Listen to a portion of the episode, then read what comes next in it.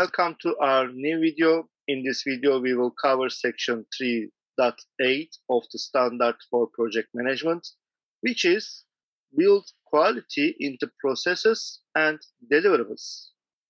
Hello. What is important about this principle, Mr. Izgi?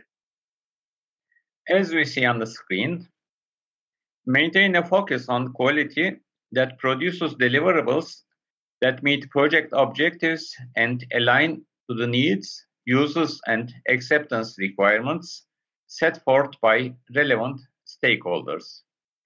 Project quality entails satisfying stakeholders' expectations and fulfilling project and product requirements. Quality focuses on meeting acceptance criteria for deliverables. Project quality entails ensuring project processes are appropriate and as effective as possible. Let's start with the definition of quality, Mr. Izgi. Quality is the degree to which a set of inherent characteristics of a product, service, or result fulfills the requirements. Quality includes the ability to satisfy the customer's stated or implied needs. The product, service, or result of a project, referred to here as deliverables, is measured for the quality of both the conformance to acceptance criteria and fitness for use. What are the dimensions of quality? Quality may have several different dimensions, including but not limited to the following. Performance. Does the deliverable function as the project team and other stakeholders intended? Conformity. Is the deliverable fit for use and does it meet the specifications? Reliability. Does the deliverable produce consistent metrics each time it is performed or produced? Resilience. Is the deliverable able to cope with unforeseen failures and quickly recover? Satisfaction. Does the deliverable elicit positive feedback from end users? This includes usability and user experience. Uniformity. Does the deliverable show parity with other deliverables produced in the same manner? Efficiency. Does the deliverable produce the greatest output with the least amount of inputs and effort? Sustainability. Does the deliverable produce a positive impact on economic, social, and environmental parameters? Mr. Izgi, requirements, I mean the scope of the product, are related to quality. In our following videos, when we will talk about the details of PMBOK guide, we will give more information. This video is shorter. Let's continue. How is quality measured?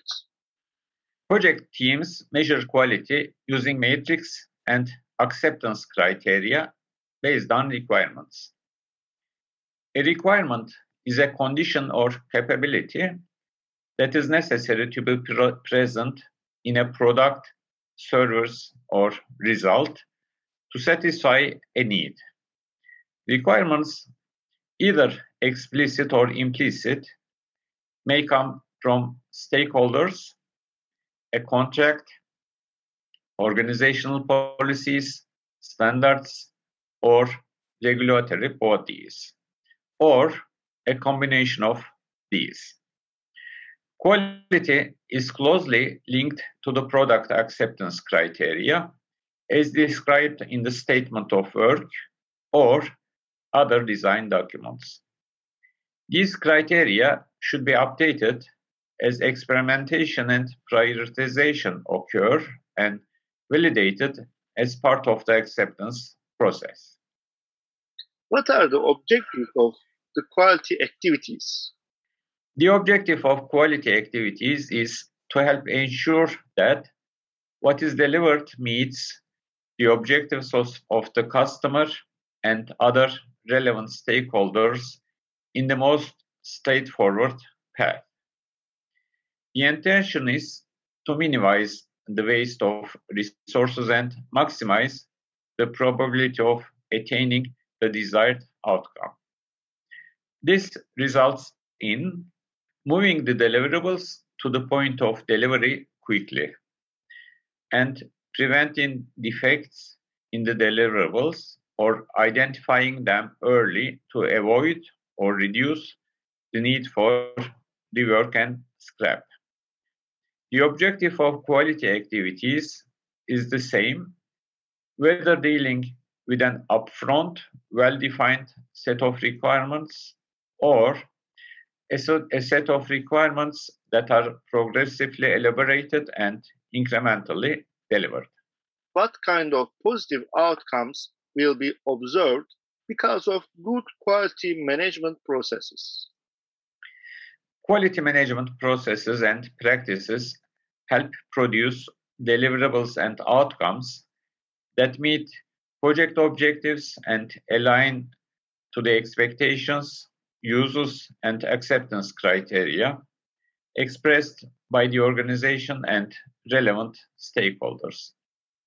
Close attention to quality in project processes and deliverables creates positive outcomes, including project deliverables that are fit for purpose as defined by acceptance criteria, project deliverables that meet stakeholder expectations and business objectives, project deliverables with minimal or no defects, timely or expedited delivery, enhanced cost control, increased quality of product delivery, reduced rework and scrap, reduced customer complaints, good supply chain integration, improved productivity, increased project team morale and satisfaction, robust service delivery, improved decision making, and continually improved processes. Thank you, Mr. Izgi. We have reached the end of this video. Please subscribe to our channel and like our videos. Support us on the Patreon page because you can find some templates and additional podcasts. Also, feel free to ask any questions to us or write comments under our videos. Goodbye. Goodbye.